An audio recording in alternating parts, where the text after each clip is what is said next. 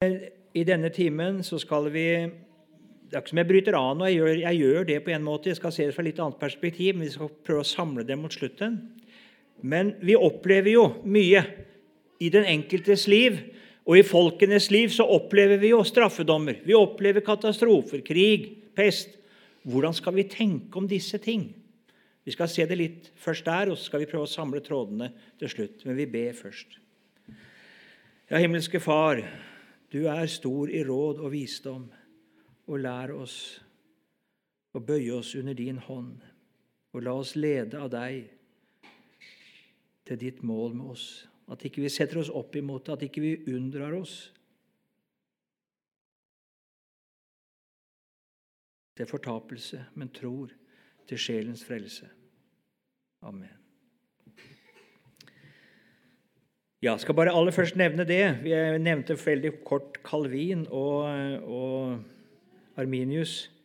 Og det er slik at, eh, Så sa jeg det at eh, Gud har sin egen pedagogikk. Eh, og der er det slik at i denne pedagogikk så er det slik at det er ordet som er altså da det grunnleggende og det egentlige middel Gud bruker til å overbevise om synd, rettferdighet om dom. Det er det Ånden bruker. Og så hever han røsten som sagt, og lar dette ordet også være virksomt i folkeliv og menneskeliv. Det gjør han. Kom inn på det nå. Og så er det slik at du og jeg kan unndra oss denne overbevisende makt. Det kan vi. Unndra oss til fortapelse. Den, den alvorligste ting det er at vi unndrar oss dette ordet. Og Her har du et ansvar. Vi kan ikke skylde på vår trellbundne vilje. Du og jeg har et ansvar for hvordan om, vi omgås dette ordet. Det er det som er en Guds kraft til frelse. Så er ikke det der med alt sagt, men det er det mest grunnleggende. Det mennesket går fortapt, det kan ikke skylde Gud. Det bærer selv hele ansvaret. Det mennesket som blir frelst, det må bare takke Gud. Han er virksom gjennom sitt ord og ved sin ånd, og så gjør han en villig av en uvillig. Mennesket opplever det som om det selv velger. Det foretar et valg, men det er Gud som virker i oss både å ville og å gjøre. Sånn er det. Det er Gud som virker det ved sitt ord og sin ånd. Så under dette ordet så kan du bestemme deg tusen ganger at du vil til himmelen. Du kommer aldri dit. Det er bare gjennom dette ord at Gud oppholder oss som har kommet til tro. At først Gud fører oss til tro og oppholder oss, så vi når målet. Det står ikke til den som vil, det står ikke til den som løper. Det står til Gud. Ja, men da må du og jeg stille oss inn under Hans frelsende makt. For det betyr ikke at det står til Gud, så kan jeg bare legge meg på sofaen. Nei. Da gjelder det at jeg omgås Han, bindes til Han, at Han får makt i mitt hjerteliv ved sitt ord og sin ånd. Vi hørte det i går kveld på møtet. Ja. Vi skal starte nå med å se litt på hvordan Gud altså i denne pedagogikk lar sin velsignelse og forbannelse nå både folk og menneskeliv. Vi leser i 5. Mosbok 27 og 28 om hvilke velsignelser som vil komme over Israels folk og land om de holder seg til Gud og Hans ord, og motsatt om de forbannelser som vil komme om de vender seg fra Gud i ulydighet og vantro. Det får følger når et folk lever med Gud i tro og etterfølgelse. Et slikt folk de kommer til å høste det det har sådd. Et liv etter Guds ord og bud, det er godt, og det får gode følger samtidig som et liv i strid med Guds skaperordninger, med Hans ord og bud, det er til skade og til ulykke for menneskene. Også rent menneskelig her i tiden så er det slik. Eh, vi kan tenke på hva som skjedde i Carisuando ved den læstadianske vekkelsen midt på 1800-tallet. Området det var preget av fyll, slagsmål, drap, tyverier. Ikke minst så led barna av situasjonen i sine hjem, ikke minst alkoholmisbruket. Vekkelsen, det førte til seg et nytt liv. I hjerter, i hjem, i samfunn. Slutt på drikking og slagsmål. Jeg leste om meg som så, og så på noen som satt ute der de pleide å sende drikkekanna rundt. Og Så var det så uvanlig stille, og så så, og så var det Bibelen de sendte rundt. Det ble et annet liv da, når det var den de sendte rundt istedenfor drikkekanna. Det er det vi sang her. Når Jesus kommer inn i huset og hilser alle med sin fred, og den har alle gjennomsuset og senket seg i sjelen ned, da blir det stille, lyst og mildt. Da enes det som før var skilt. Når Jesus kommer inn i landet og fanger folket med sin makt, og hjertet fjernt og nær har sannet hans ord og gjort med ham sin pakt, da blir det trygt og godt å bo i Herrens fred og stille ro. Men et stort men. Alt er ikke dermed sagt. Gud prøver også det folk som hører han til. Han tukter sitt folk. Han bøyer sitt folk gjennom lidelser og motgang. Sånn gjorde Gud med Israel under ørkenvandringen. Slå opp i 5. Mosebok 8.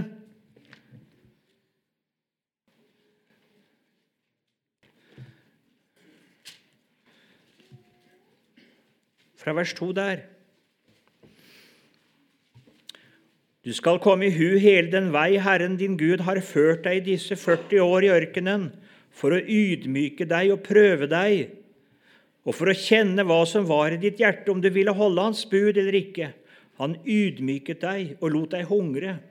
Han ga deg manna å ete, en mat som verken du eller dine fedre kjente, fordi han ville la deg vite at mennesket ikke lever av brød alene, men at mennesket lever av hvert ord som går ut av Herrens munn. Dine klær ble ikke utslitt, og din fot ble ikke hoven i disse 40 år. Så forstå da i ditt hjerte at liksom en mann opptuktet sin sønn, slik opptuktet Herren din Gud deg. Og hold Herrens din Guds bud, så du vandrer på hans veier og frykter ham. Ja.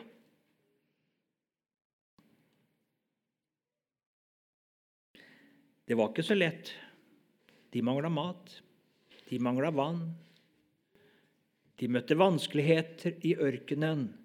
Var det et tegn på at Gud hadde forlatt dem? Nei, det var ikke det. Han prøvde dem. Han prøvde dem. Han tuktet dem. Og motsatt.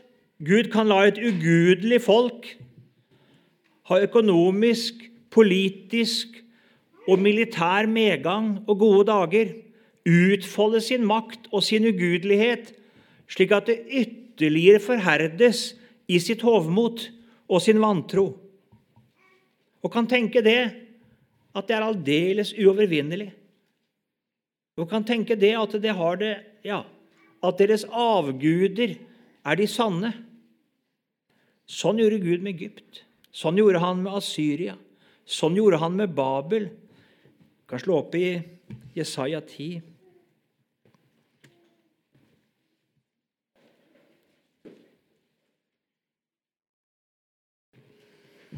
fra vers 5 der. Ved Assur, min vredes ris, min harme er staven han har i sin hånd. Mot et gudløst folk sender jeg ham, mot et folk jeg er vred på, byr jeg ham å fare, for å røve og plyndre og tråkke det ned som avfall i gatene. Men slik mener ikke han. Og i sitt hjerte tenker han ikke slik. Nei, han har lyst til å ødelegge, til å utrydde mange folk, for han sier, er ikke mine høvdinger konger alle sammen? Er det ikke gått Kalno som Karkemis? Er det ikke gått Hamat som Arpad? Er det ikke gått Samaria som Damaskus? Min hånd har jo nådd de andre gudenes riker, enda deres, enda deres utskårne bilder overgikk Jerusalems og Samarias. Skulle jeg da ikke kunne gjøre det samme med Jerusalem og dets gudebilder som jeg har gjort med Samaria og dets guder? Men når Herren har fullført hele sin gjerning på Sions berg og Jerusalem, da vil jeg hjemsøke Assurs konge for følgen av hans hjertes overmot og trossen i hans stolte øyne. For han sier, ved min hånds kraft har jeg gjort det, og ved min visdom, for jeg er forstandig. Jeg har flyttet folkeslags grenser, og deres skatter har jeg plyndret. I mitt velde støtte jeg ned dem som satt i høysetet. Min hånd grep etter folkenes gods som etter et fuglerede. Som en sanker forlatte egg har jeg sanket alle land på jorden, og det var ingen som rørte en vinge eller åpnet sitt nebb og pep. Roser vel øksen seg mot den som hogger med den, eller gjør sagen seg stor mot den som drar den? Akkurat som om staven skulle svinge den som løfter den, eller som om kjeppen skulle løfte den som ikke er av tre. Derfor skal Herren herskarenes herre sende tærende sått blant hans kraftfulle menn, og under hans herlighet skal det brenne et bål som en luende ild. Ja, det kommer en dag da Gud holder dom over alt stort og stolt. Det kom en dag også for Asyria. Men lenge så tenkte Asyria det, og det samme med Babel og Nebukadnesar. Så tenkte de det i sitt hovmot, at de var uovervinnelige. Nebukadnesar bygde en gullstatue av seg. Han gjorde seg lik den høyeste. Det gjorde han. Du kan lese om kongen i Tyrus, hvordan han gjør seg lik den høyeste. Den sataniske ånd tar, inntar han fullstendig. Medgang. Så vi kan altså ikke slutte av medgang at det er Guds velsignelse. Nei, det kan være altså det Gud setter et ugudelig folk på for at det skal fullende, fullendes i hovmot før Gud knuser det. Og likevel når det ulykken rammer, så har Bibelen lært oss at vi skal alltid spørre hvorfor. Hvorfor skjer dette? Da Israel opplever nederlag ved Ai i Josvas bok, så spurte Moses hvorfor. Nei, Josva, jo, hvorfor? Jo, det var, en, det var en årsak. Det var Akan som hadde tatt av det bannlyste godset. Og så må vi spørre oss, når vi har så åndelig svakhet i vår tid i Guds forsamling Det er ingen vekkelse. Ja, Det er så sjelden, sier noen, at det er vekkelse. Altså, vi skal spørre hvorfor er det så lite vekkelse? Hvorfor følger det så lite åndsmakt med vår virksomhet? Hvorfor lider vi nederlag i åndskampen? Hvorfor?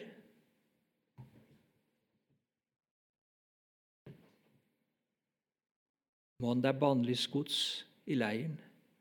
Altså alltid når slike ting skjer, så skulle vi spørre det. Vi kan ikke tenke at ja, sånn er det Gud fører sine folk. Han fører dem gjennom trengsel og vanskeligheter, så det er bare sånn det er. Det gjorde ikke Guds folk. De spurte. Hvorfor, Herre? Hvorfor skjer dette? Og så kunne Gud si jo, det skyldes det og det. David opplever pest. Den har sin årsak i hans hovmod. Han telte folket. Han hadde blitt mektig. Og så måtte Gud sende ulykke. Og Bortførelsen til Babel det har en konkret årsak. Det er folkets synd og frafall. Så vi skjønner det at ulykke og nød det kan ha sin konkrete årsak i synd, i frafall. Ikke sånn at de som blir rammet, er de som har syndet mest. Det var ikke de som led nederlag mot Ai, som hadde syndet. Det var Akan. Det var ikke soldatene. Men de led av Akans synd. Det var ikke Israels folk som hadde syndet. Når David telte folket, det var David. Men folket led pga. kongens synd. Det var ikke Daniel og vennene hans som var ledende i frafallet. Derfor var de blant de første som ble bortført til Babel, for det var de. Nei. Men de led for folkets synd. Ulykke og pest og bortførelse hadde sin årsak i konkret synd og ulydighet i noen av folket. Merk det. Men det var et kall til omvendelse for hele folket. Så si det. Når det skjer ting, så er det ofte slik at det har sin årsak i synd og fall hos noen. Men det som Gud sender, er et kall til omvendelse for alle. Slik er det. Bortførelsen til Babel, bare nevne det. Den gikk altså i like stor grad utover de trofaste, troende,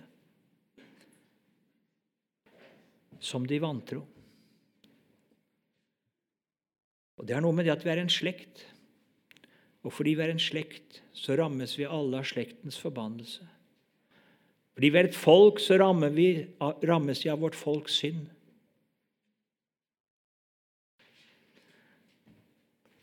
Dette får vi forkynt gang etter gang etter gang i Det gamle testamentet. Men Gud har ikke forandret seg. Vi møter eksakt den samme forkynnelse og lære i Jesu apostlenes munn. Jesus advarer og sier det. De ser på tempelet, og de ser på Jerusalem. Det skal ikke levne stein tilbake på stein. Hvorfor det? Jo, fordi folket ikke omvendte seg. Straffedommen gjennom romerne i år 70 det var en straffedom av vantro. Det var det. Det er ikke antisemittisme å si det. Det er realiteter. Det var det. Og når det skjedde, så gikk det like mye utover de kristne. De måtte flykte. De flykta til Pella. De var ikke unntatt den nød som kom over Israel og Jerusalem. Gud handler på samme måte. Det er ikke sånn at nå er, han, nå er vi i evangeliets tidsalder, så nå handler ikke Gud slik. Jo, han gjør det.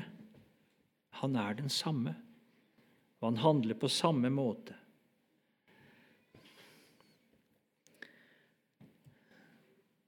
Det er også slik med enkeltpersoner, som jeg har sagt her nå.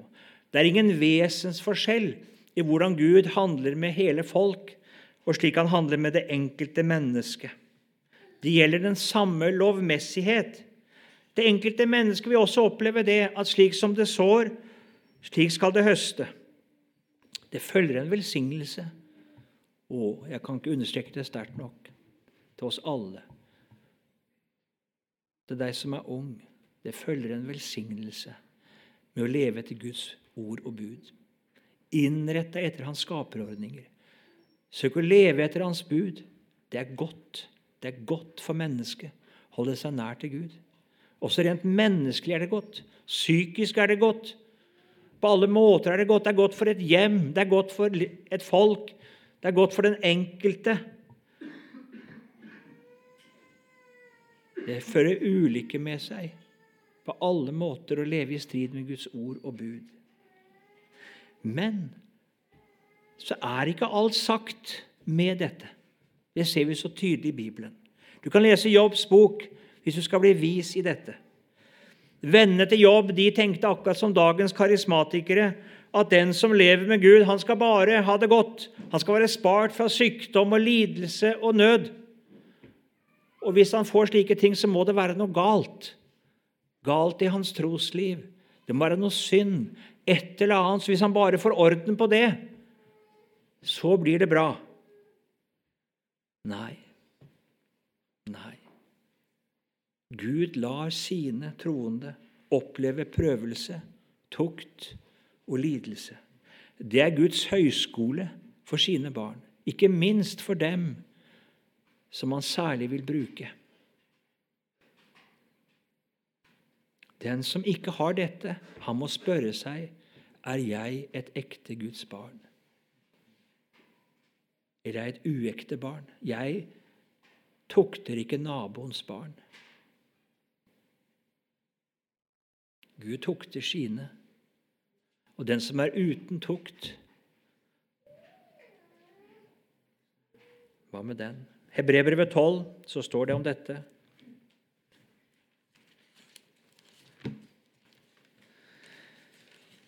fra vers 5 der.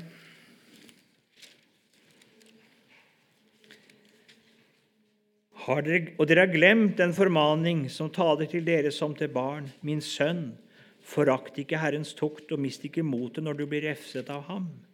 For den Herren elsker, den tukter han, og han hudstryker. Hudstrykning, det er ganske smertefull tortur, det altså. Det er jo torturmiddel å hudstryke. Han hudstryker hver sønn han tar seg av. Det er for tuktens skyld dere tåler lidelser. Gud handler med dere som med sønner. For hvem er vel den sønn som hans far ikke tukter? Men hvis dere er uten tukt, som alle har fått sin del av, da er dere uekte barn og ikke sønner. Dessuten, vi hadde våre jordiske fedre til å tukte oss, og vi hadde ærefrykt for dem. Skal vi da ikke meget mer bøye oss for åndenes far, så vi kan leve? For de tuktet oss jo bare for en kort tid, slik som de fant det rett og riktig. Men han tukter oss til vårt gagn, for at vi skal få del i hans hellighet. All tukt synes vel mens den står på, ikke å være til glede, men til sorg. Men siden gir den, den dem som ved dette er blitt oppøvd, rettferdighets salige frukt. Rett derfor opp de slappe hendene og de svake knær. Ja, vi kan stanse der.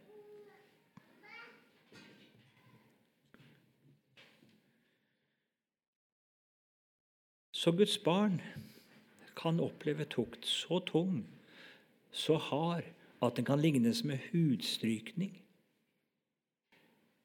Og verdensbarn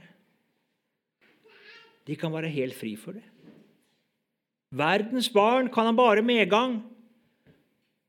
Helsemessig, økonomisk, på alle måter. Så det er ikke lett, dette her inn på den enkelte. Det med Guds forbannelse og velsignelse står fast, og allikevel De ytre livsvilkår. Det er ikke så lett. Se Salme 73. Det var Asafs store nød, dette her. Han hadde satt sitt håp til Gud. Og så så han på de ytre livsvilkår.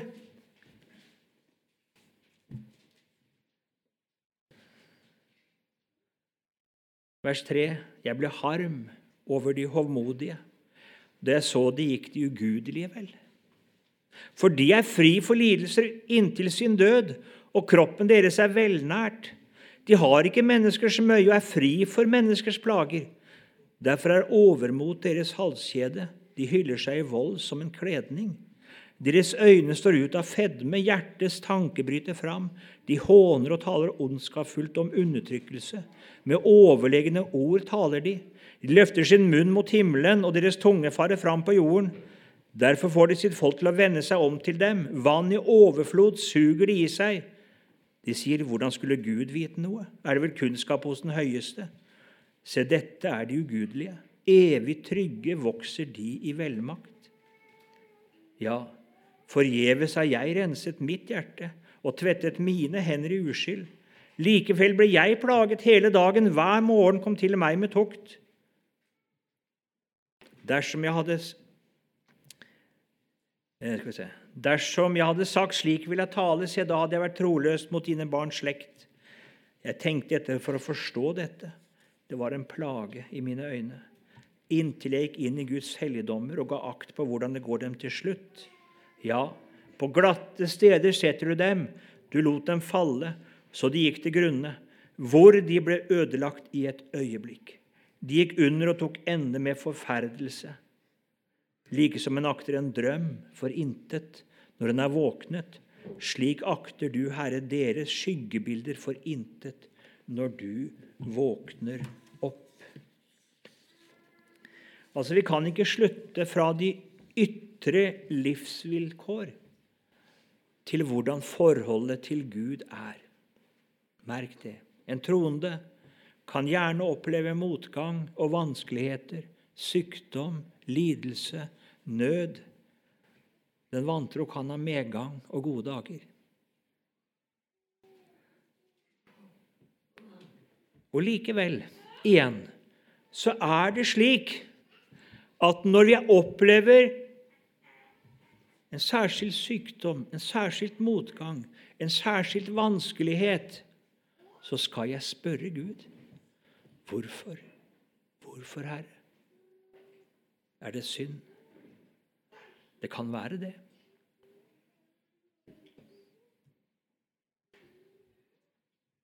kan lese om Davids fall med Batseba. Dag og natt lå din hånd tungt på meg. Min livssaft svant som ved sommerens tørke. David kommer inn i et voldsomt nød, og det er ikke nok ikke bare For det virker jo som han i denne tiden på mange måter Han søker jo å skjule sin synd, han søker på en måte å Så det er ikke syndenød. Men det er noe som fullstendig tar livskraften fra ham. Psykisk og fysisk så kommer han inn i et voldsomt vanskelighet. Åndelig mørke, selvfølgelig, også, men henger sammen for å vekke han. Og det gjør sin gjerning. Guds ord måtte til med Natan. Men David husker det. Han skriver om det. Dag og natt lå din hånd tungt på meg. Jeg kan lese om kong Asas frafall, andre krønikebok 16. Og Gud søker å, å, å nå kong Asa. Andre krønikebok 16, fra vers 7 der. På den tid kom seeren Hanani til Judas konge Asa sa til ham, fordi du satte din lit til kongen i Syria og ikke til Herren din Gud. Derfor har syrerkongens hær sluppet ut av hendene på deg. Var ikke etioperne og liberne en stor hær med stridsvogner og hestfolk i stor mengde? Men fordi du den gang satte din lit til Herren, ga han dem i din hånd. For Herrens øyne farer over hele jorden for kraftig å støtte dem som er helt med ham i sitt hjerte. Du har båret deg uforstandig av til dette, for fra nå av skal du alltid ha krig. Men Asa ble harm på seeren og satte han i fengsel. Så vred var han på han for dette. På samme tid for han også hardt fram mot andre av folket. Det som, er, det som er å fortelle om Asa både i hans første og i hans senere dager, er skrevet i boken om Judas og Israels konger. I sin regjerings 39. år ble Asa syk i føttene. Hans sykdom ble verre og verre. Men ikke engang under sykdommen søkte han Herren, men bare legene. Det var ikke noe galt i at han søkte legene, men det gale var at han ikke søkte Herren selv da, når Herren slo han med sykdom. Vi går til kapittel 21 i andre krønikebok, fra vers 12. Det er kong Joram. Da kom det et brev til ham fra profeten Elia, og i det sto det:" Så sier Herren din far Davids Gud, fordi du ikke har vandret på din far Josafats veier og på Judas konge Asas veier, men har vandret på Israels kongers vei og lokket Juda Jerusalems innbyggere til utukt, slik, slik som Akabs hus lokket til utukt, og fordi du til og med har drept dine brødre, din egen fars sønner, som var bedre enn du, så vil Herren la et hardt slag ramme ditt folk og dine sønner og hustruer og alt det du eier. Og selv skal du bli rammet av en svær sykdom, en sykdom i innvollene, slik at innvollene etter år og dag skal falle ut på grunn av sykdommen. Og så går det slik som Gud har sagt. Altså Her ser vi det at Gud kan ramme og legge sykdom på den enkelte for å vekke dem. Kan det. Så skal vi alltid spørre. Som Josva med Akans synd, så skal vi spørre hvorfor. Hvorfor har dette rammet meg? Er det noe du er spesielt, Gud? Er det noe som er kanskje skjult for mine øyne?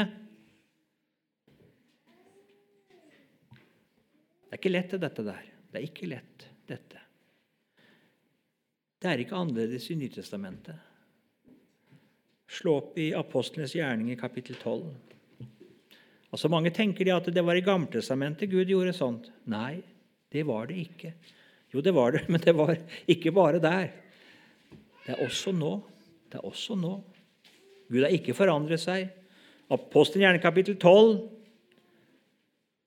fra vers 1 der.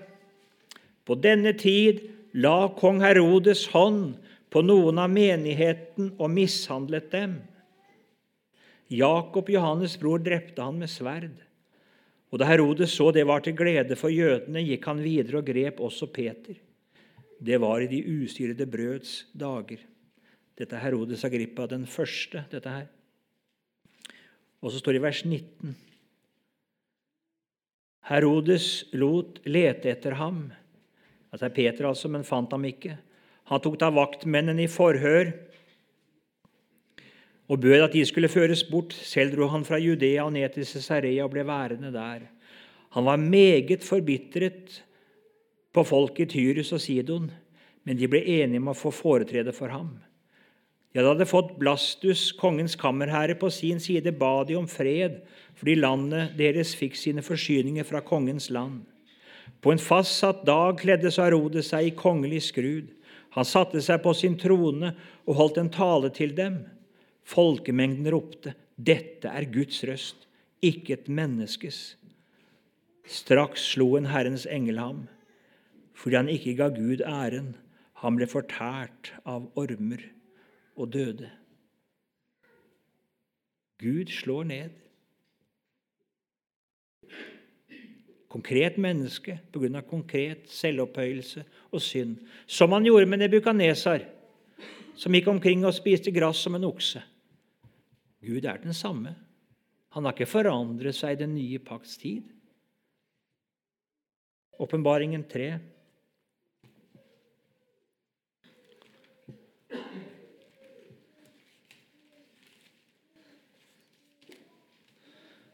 Vers 20 der.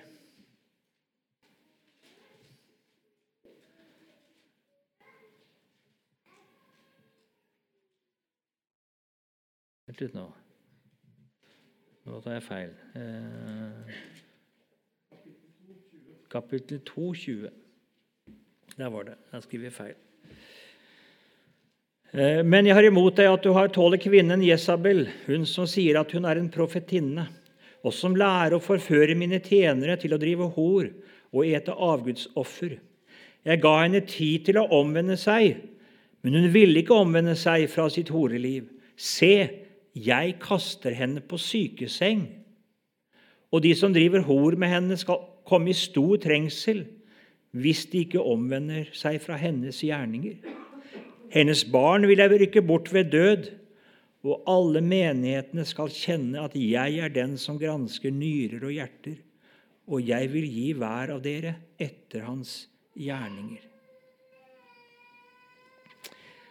Vi kan til slutt nevne den syke ved Betestadammen, denne som har ligget der i mange mange år, og som Jesus helbreder. Han er ikke særlig takknemlig, og det kan se ut til at hans lidelse og sykdom det skyldtes synd og vantro og ugudelighet. Og så virker det ikke som om den nåde han mottar gjennom Jesus, har noen virkning på hans hjerte. Han går bort og angir Jesus, er ikke opptatt av å følge han. Og så sier Jesus til han, Synd ikke mer, for at ikke noe verre skal hende deg. Jesus kan tenke på den evige fortapelse. Han tenker dypest sett på det helt åpenbart. Men det kan også være at denne her ble rammet av en enda alvorligere sykdom og lidelse. Det er ingen forskjell. Gud er den samme. Konklusjon på det vi har tatt fram i disse to timene. Altså Lidelse, sykdom, motgang, ulykker er alt sammen følger av syndefallet. Det er en del av den forbannelse som hviler over slekten, og som vi alle får vår del av. Jeg vil si det. Og den delen vi får, kan være så ulikt tilmålt. Noen får mye mer å bære enn den andre.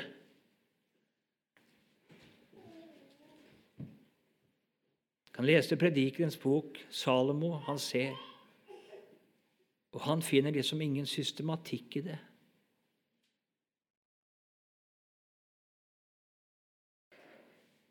Tomhet, sier han. Er liksom uforståelig. Så vi kan tale om uforståelig lidelse. Vi kan det.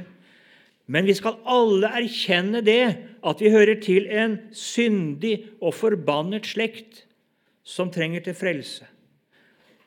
Og aldri lever vi, lider vi ufortjent eller uskyldig.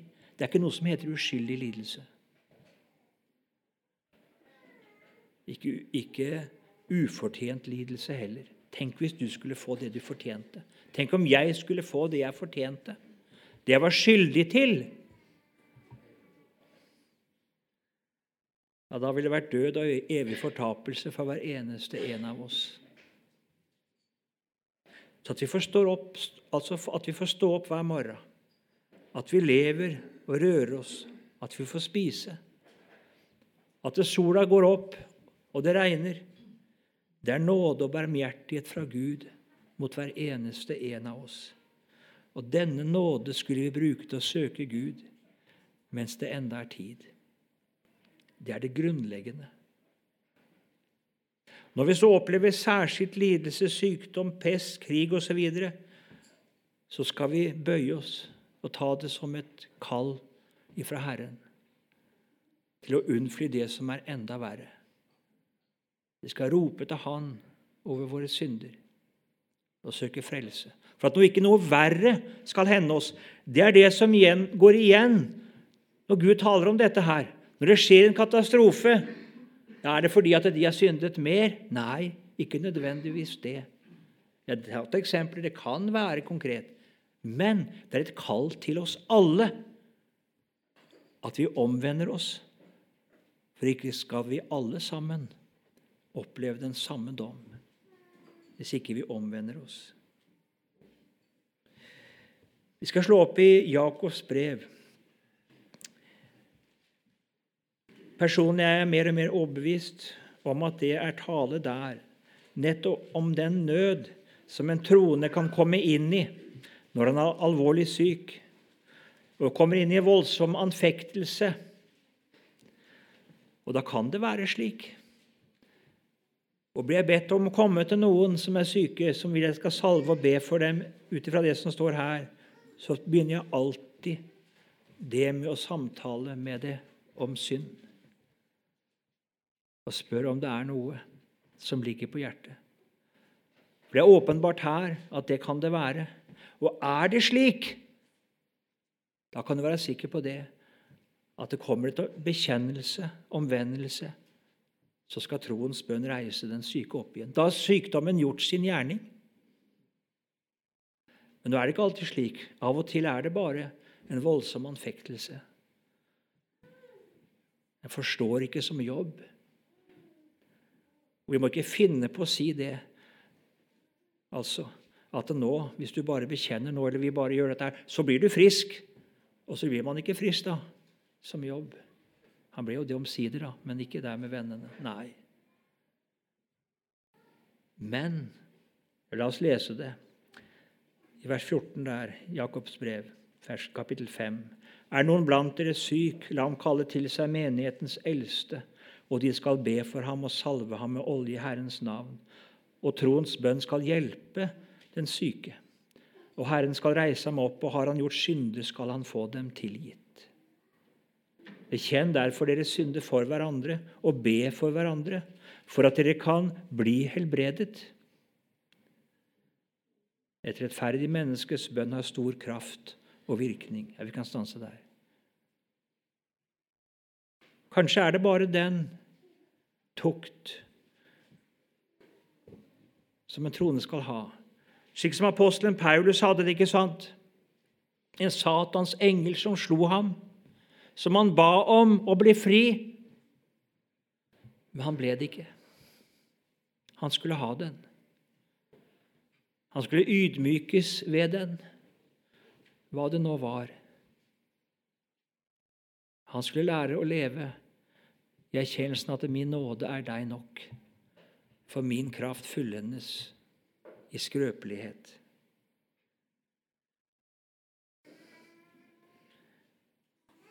Sånn måtte Asaf også stille sitt hjerte til ro. Det står ingenting om det at han ble fri, det at han hver morgen mottok ny tukt, ny lidelse.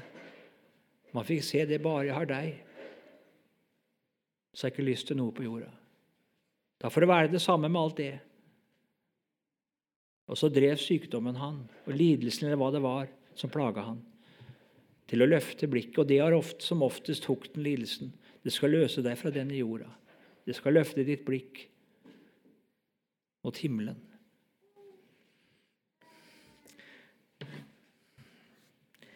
Samtidig så er det slik synd, brudd med Guds skaperordninger, fører alltid forbannelse med seg. Selv om det mennesket som har det tilsynelatende, lever et bekymringsløst, vellykket liv. Alltid. Kanskje ikke i det åpenbare, men de har alltid forbannelse med seg. Nå er det noen sykdommer som ofte får helt konkrete og smertefulle følger for dem som lever i dem. Du kan tenke på kjønnssykdommer for dem som lever i utroskap og hor. Det rammer ikke de troende som lever etter Guds bud. Jeg er ikke bekymra for klamydia eller eh, gonoré eller syfilis eller Er det apekopper som er nå? Altså det, nei, du kan stort sett slappe helt av. For det rammer ikke. Det rammer veldig konkret den som lever i synd, og som omgås mennesker som bærer disse ting. Da ser vi en sammenheng mellom sykdom og synd. Det gjør vi av og til. Får du skrumplever fordi du har drukket så mye alkohol, ja. Eller sitter invalid fordi du kjørte 150 km. Så er du vet hvorfor. Det var min egen skyld. Men det er ikke alltid slik. Vi leser Johannes 9 om en blindfødt. Og der er fariseerne og de skriftlærde de mener jo det at det må være noen her som har syndet. Og disiplene spør Jesus er det han eller foreldrene hans. Hvem er det? For det må liksom ha en konkret årsak. Nei. Noe av det vi opplever, det hører bare med til at vi er en del av slekten og bærer slektens forbannelse. Og hvorfor den ene får det, og den andre ikke får det. Ja, sier Jesus, det er fordi at Gud skal åpenbare sin herlighet gjennom dette. Gud har nok en hensikt som ikke du og jeg forstår, og jeg tror ikke vi får svar på det. Vi får bare undre oss over det. Og Sånn er det også når det rammer store ulykker, epidemier, kriger og annen nød som rammer folk og nasjoner så er det ikke sånn vi skal tenke at det er de som nå opplever dette altså Nå er det Ukraina. Det må være fordi ukrainerne har syndet ekstra mye. Mer enn oss andre. Nei. Vi kan ikke slutte til det. Det kan være slik. Det kan det. Det ser du så tydelig. Men bare ta det når Gud sender asyrerne over Juda og Israel. Syndet de mer i Juda og Israel enn i Asyria? Var hedenskapet verre i Juda og Israel enn i Asyria?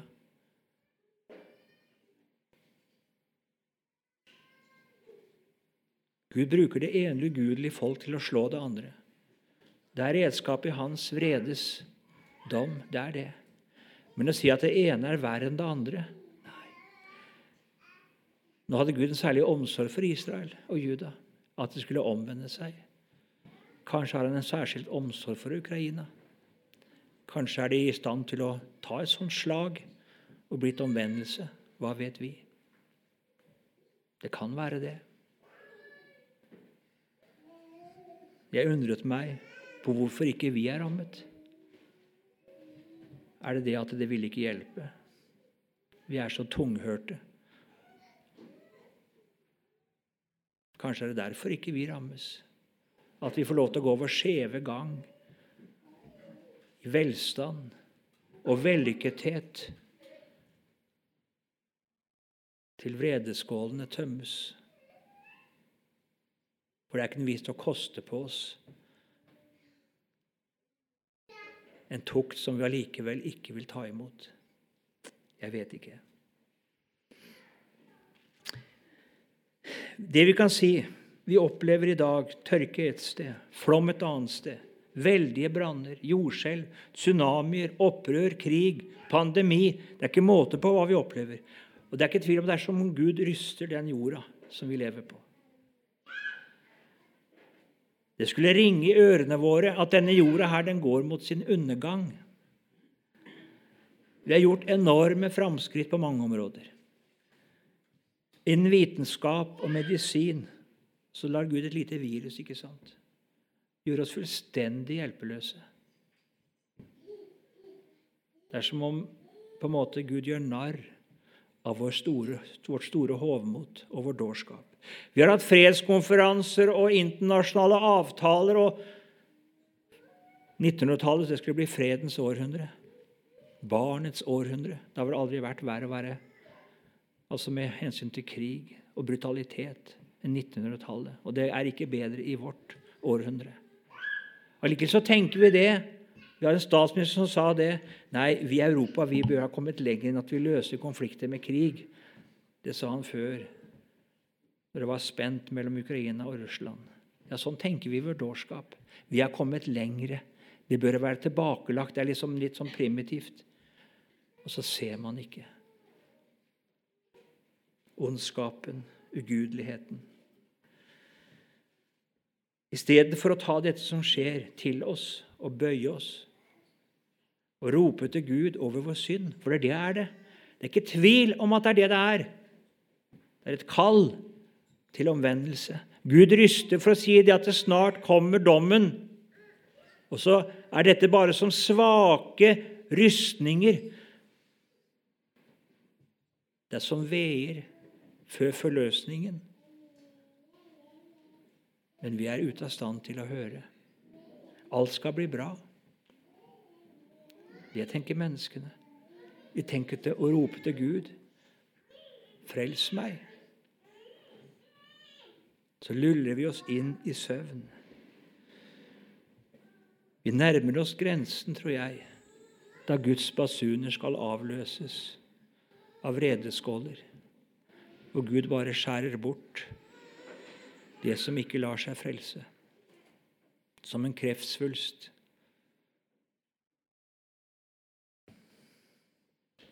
Sodomas og Gomorras synd, det var lokalt. Det preget ikke verden som helhet, det preget dem. Og Seinere så preget det Benjamin stamme i Israel. Og så skar Gud nesten Benjamins stamme bort. Sodoma og Gomorra skar han helt bort. Sodoma og Gomorras synder er, da, er i dag overalt. Det er ikke bare der i den byen og i det folket. Det er overalt. Da tror jeg ikke dommen heller blir lokal. Da tror jeg dommen blir like omspennende som synden er omspennende. Det er noe som følger med det situasjonen i Sodoma og Gomorra, åndssituasjonen der, det er også at man ikke tåler at dette omtales som synd. Nå var ikke Lot noen voldsomt sterk profetrøst. Og Allikevel var han til forargelse. Alltid skulle han sette seg opp som dommer, og de kunne ikke tåle det, at han gjorde det. Den samme intoleranse den kommer til å prege vår tid. Det kan gå så langt at man skal tro man gjør Gud en tjeneste ved å fjerne de mennesker som holder fram Guds ord om synden. Jesus har sagt det. Det er ikke bare Jeremia som fikk oppleve det, eller Jesaja, eller Johannes døperen, eller Jesus. Vi er i en tid hvor det skal skje. Jeg er overbevist om det. Det kaller på Guds inngripen at han griper inn til frelse for sine og til vredesdom over det som er fordervet og ikke lar seg lege. Denne verden kommer ikke til å gå under pga. miljøødeleggelser. Den gjør ikke det. Det står i Skriften at når jorden og verden går under, så skal himmelens stjerne falle ned på jorden som umodne fiken. Altså, Denne verden skal ikke være moden for undergang. Den skal ikke være moden for å falle ned. Den skal ikke falle sammen av seg selv fordi den er utslitt eller utbrukt. Nei. Den skal ikke kollapse av elde. Den skal få gå fordi Gud setter strek. Når tiden for hans dom er inne. Når ikke noen lenger kan ledes til omvendelse. Da, ikke, da kommer ikke denne jorda til å stå en time til. Når ikke lenger noen kan bli frelst, da har denne verden utspilt sin rolle. Da setter Gud strek, og så oppreder han sitt råd i fullkommenhet. Det han skapte ved begynnelsen, den idé han hadde om et kjærlighetens samfunn mellom seg og mennesker, da skal det fullendes og en evig dom over alle dem som unndro seg. En evig fortapelse borte fra Herren. Og så skulle du og jeg lyde til Guds pedagogikk. Vi bare slutter med det. Les Guds ord. La han få tale med deg, få han kjær, så du lever med han. Og lytt til hans røst, hans basuner. De lyder i dag så sterkt at den som ikke hører, han er blitt døvhørt. Og Det må ikke være tvil om det, at tiden heretter er kort. Det er den. Så kommer Han som komme skal, og han skal ikke dryge, sier han. Og når han venter, så sier Peter det er fordi han har barmhjertighet. Han vil, om det var mulig, frelse en til. Og så skulle du ha det samme hjertelag fordi du omgås om du kunne få være og føre én inn i arken før Gud lukker døren. Ja, himmelske Far, i at vi går inn, og i at vi får med oss de vi omgås. At vi lever for himmelen og ikke for denne jorden. Den skal forgå, men, jord himmel, nei, men himmel skal ikke forgå. Denne himmel som vi nå ser, skal forgå, men ditt evige rike, det skal aldri forgå. Amen.